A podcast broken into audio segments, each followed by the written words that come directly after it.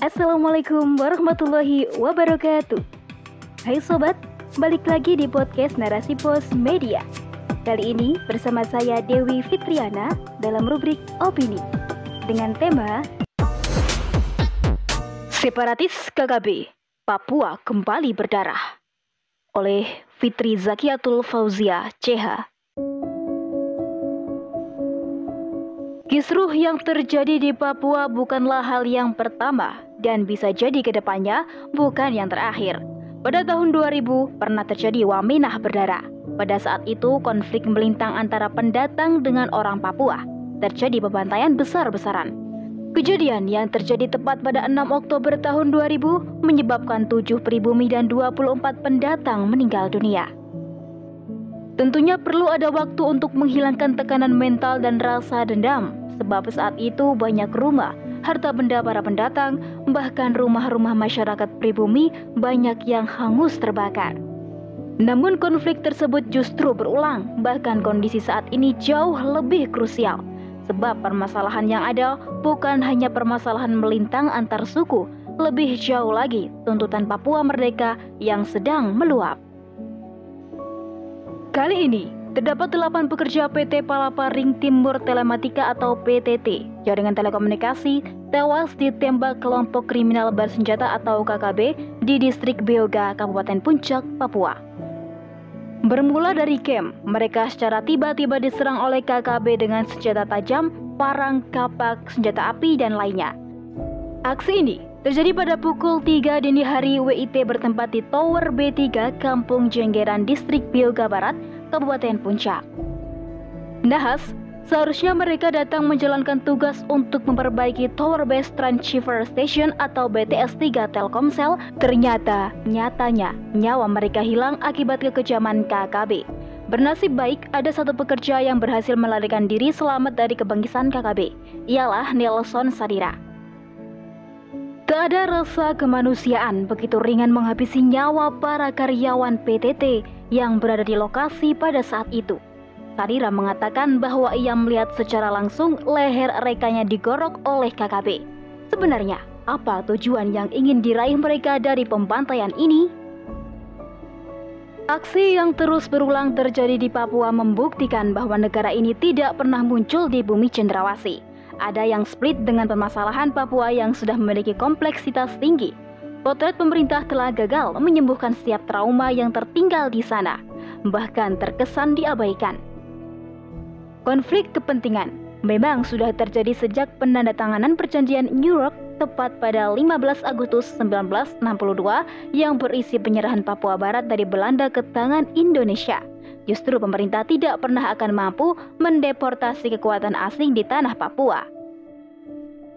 Seperti Indonesia menganggap Amerika Serikat berjasa telah mengusir Belanda dari Papua, namun pada akhirnya Amerika Serikat dibiarkan menguasai gunung emas Freeport sampai detik ini. Sedangkan Australia sebenarnya secara transparan mendukung separatisme Papua karena memiliki kepentingan ekonomi dan keamanan di wilayah itu. Demikian pula dengan Inggris, Benny Wenda telah diberi perlindungan oleh Inggris sebagai Ketua Liberation Movement for West Papua. Sehingga dapat dipastikan di balik ini Inggris ingin mempertahankan perusahaan migas dan menguasainya, sehingga bebas untuk melakukan eksplorasi. Sedang PBB pun di dalam Majelis Umum ke-74 tahun 2019 telah menggiring opini terkait dengan pelanggaran hak asasi manusia atau HAM di tanah Papua.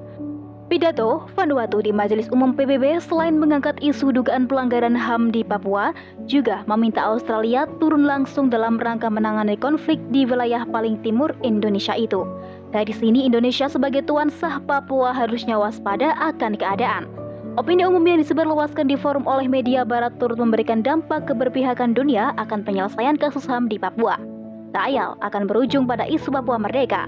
Namun hingga saat ini negara belum sungguh-sungguh hadir di tanah Papua.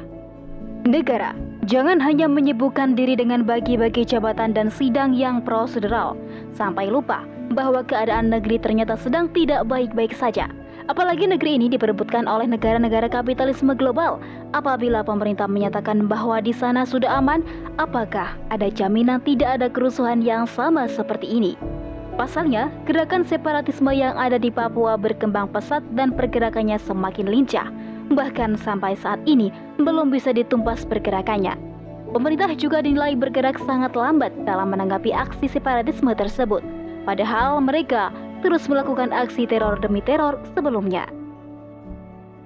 Alih-alih memberikan julukan terorisme, gerakan separatis yang jelas mengantarkan pada disintegrasi bangsa dan teror tersebut akhirnya hanya disebut sebagai KKB atau kelompok kriminal bersenjata. Sementara terhadap umat Islam, label tersebut menyasar, bahkan masih berstatus terduga, julukan teroris dan eksekusi mati begitu mudahnya diberikan. Papua berdarah akan terus ada, bahkan meluas jika akar permasalahannya di Papua tidak terselesaikan secara tuntas sepanjang dalam genggaman kapitalisme. Janji-janji perbaikan ekonomi faktanya tak mampu memberikan keadilan pemerataan dan kesejahteraan. Harapan itu tampak jelas sulit dipenuhi oleh penguasa yang hanya bekerja untuk para pemilik modal. Kepada mereka yang berani membayar, inilah situasi yang telah terjadi di negara kita tercinta. Kita telah terperangkap oleh sistem kapitalisme liberal. Seharusnya Pemerintah sedikit belajar dan bercermin pada negara di dunia yang telah sukses membangun wilayah yang plural dalam kesatuan wilayahnya. Hal itu pernah benar terjadi di dalam pemerintahan Islam yang telah berhasil menyatukan hampir dua per 3 dunia. Saat itu semua ras umat manusia telah melebur menjadi satu dengan ikatan aturan sistem dari Allah Subhanahu wa taala. Dalam perspektif Islam, menjaga persatuan dan kesatuan merupakan suatu kewajiban dan memisahkan diri darinya merupakan suatu keharaman. Oleh karenanya, Islam menentukan sanksi yang sangat tegas berupa had atau perang bagi siapa pun yang melakukan tindakan makar terhadap negara. Hanya saja perang di sini bukan untuk dibabat habis, melainkan sebagai bentuk pelajaran kecuali jika pelaku makar tersebut adalah non-muslim. Tidak hanya sanksi yang tegas, Islam juga menetapkan persoalan ini sebagai kodiyah masiriyah, yaitu permasalahan yang harus diselesaikan dengan taruhan nyawa, hidup, dan mati. Sebagaimana dalam perang Siffin yang pernah dilakukan oleh Khalifah Ali radhiyallahu an dalam merangi Muawiyah.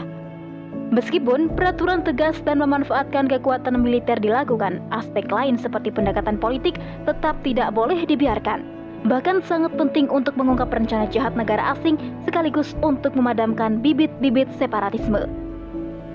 Di samping itu, upaya mencegah segala bentuk intervensi asing, memata-matai kaum kafir harbi fi'lan, memutus rantai hubungan atau kontak kerjasama warga negara dengan pihak luar negeri, serta menetapkan kebijakan satu pintu melalui Departemen Luar Negeri adalah seperangkat upaya yang bisa dilakukan untuk melawan gerakan separatisme ini.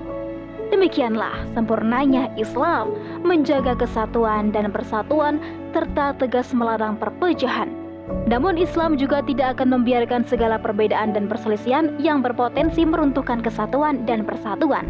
Islam bukan hanya sebagai obat yang bisa menyembuhkan, namun juga imun yang bisa menangkis segala keburukan. Wallahu alam biswab.